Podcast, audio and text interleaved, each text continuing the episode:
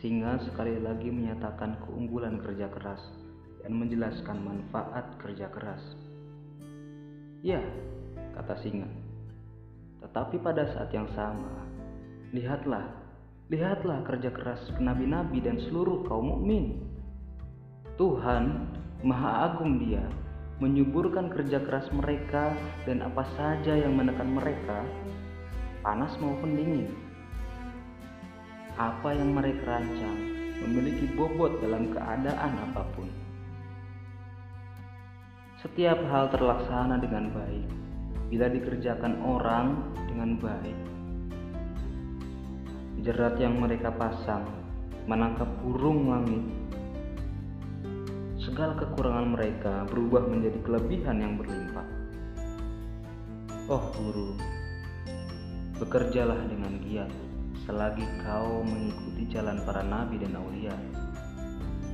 Berusaha keras tidak berarti berperang melawan takdir, sebab takdir sendirilah yang meletakkan usaha keras atas diri kita. Aku akan menjadi seorang kafir apabila pada suatu saat ketika aku sedang berjalan di jalan keselamatan dan ketaatan, mesti berdiam diri menyaksikan orang lain sedang menderita dan kehilangan. Kepalamu tidak pecah, jangan balut kepalamu ini bergiatlah kau mengerjakan amal yang dalam hidup yang singkat ini dan tawakallah menghadapi kekekalan. Memandang hidup di dunia ini sebagai tempat bersantai adalah sebuah kejahatan. Yang terbaik adalah memandang jauh ke depan. Niat mencari keuntungan semata-mata di dunia ini juga tidak ada artinya. Namun niat untuk menyangkal dunia merupakan bisikan yang berasal dari Tuhan. Niat yang benar adalah seumpama tawanan yang menggali lubang di dalam kamar penjaranya agar ia bisa melepaskan diri. Namun jika ia tutup lubang, tololah namanya. Dunia ini adalah penjara, kita adalah tawanannya.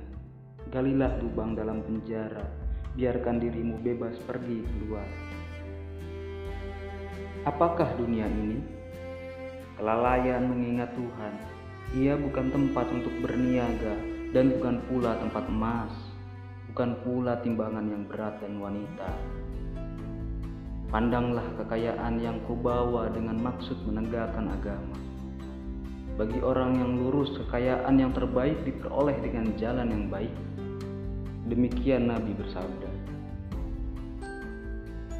Air dalam perahu berarti perahu itu tenggelam. Tetapi air di bawah perahu adalah penyangga bagi perahu. Karena dari hatinya ia telah mencampakkan nafsu akan kekayaan dan kepemilikan yang melampaui batas. Nabi Sulaiman tidak menyebut dirinya dengan sebutan apa pun selain fakir. Kendi yang tersumbat jika berada di air akan menggembang, sebab isinya adalah hati yang dipenuhi angin. Bila mana angin kefakiran memenuhi jiwa seseorang, maka ia akan beristirahat bersama daun-daun di permukaan air dunia. Walaupun seluruh dunia ini adalah kerajaannya, di mata bunga kerajaannya tidak ada artinya. Karena itu, sumbat dan tutuplah mata hatimu, penuhi ia dengan angin dari kipas Tuhan. Bekerja dengan giat adalah sebuah keniscayaan. Obat dan penyakit adalah keniscayaan. Orang ragu yang menyangkal kerja keras sebenarnya telah melakukan kerja keras sehingga membuktikan keunggulan kerja keras, sehingga memberi banyak bukti dengan caranya yang sedemikian itu, sehingga golongan Jabariyah yang pasrah pada nasib pada akhirnya letih menjawabnya. Rubah, kijang, kelinci, dan serigala menolak ajaran Jabariyah dan kini pikirannya tidak kacau lagi. Mereka membuat perjanjian dengan singa yang begitu bersemangat. menjamin bahwa tidak akan ada rugikan dalam penawaran itu. Langsung sehari-hari akan diantar kepadanya tanpa kesulitan dan singa tidak boleh menuntut lebih banyak. Hari demi hari, beban paling berat dipikul atas singa sesuai dengan jatahnya.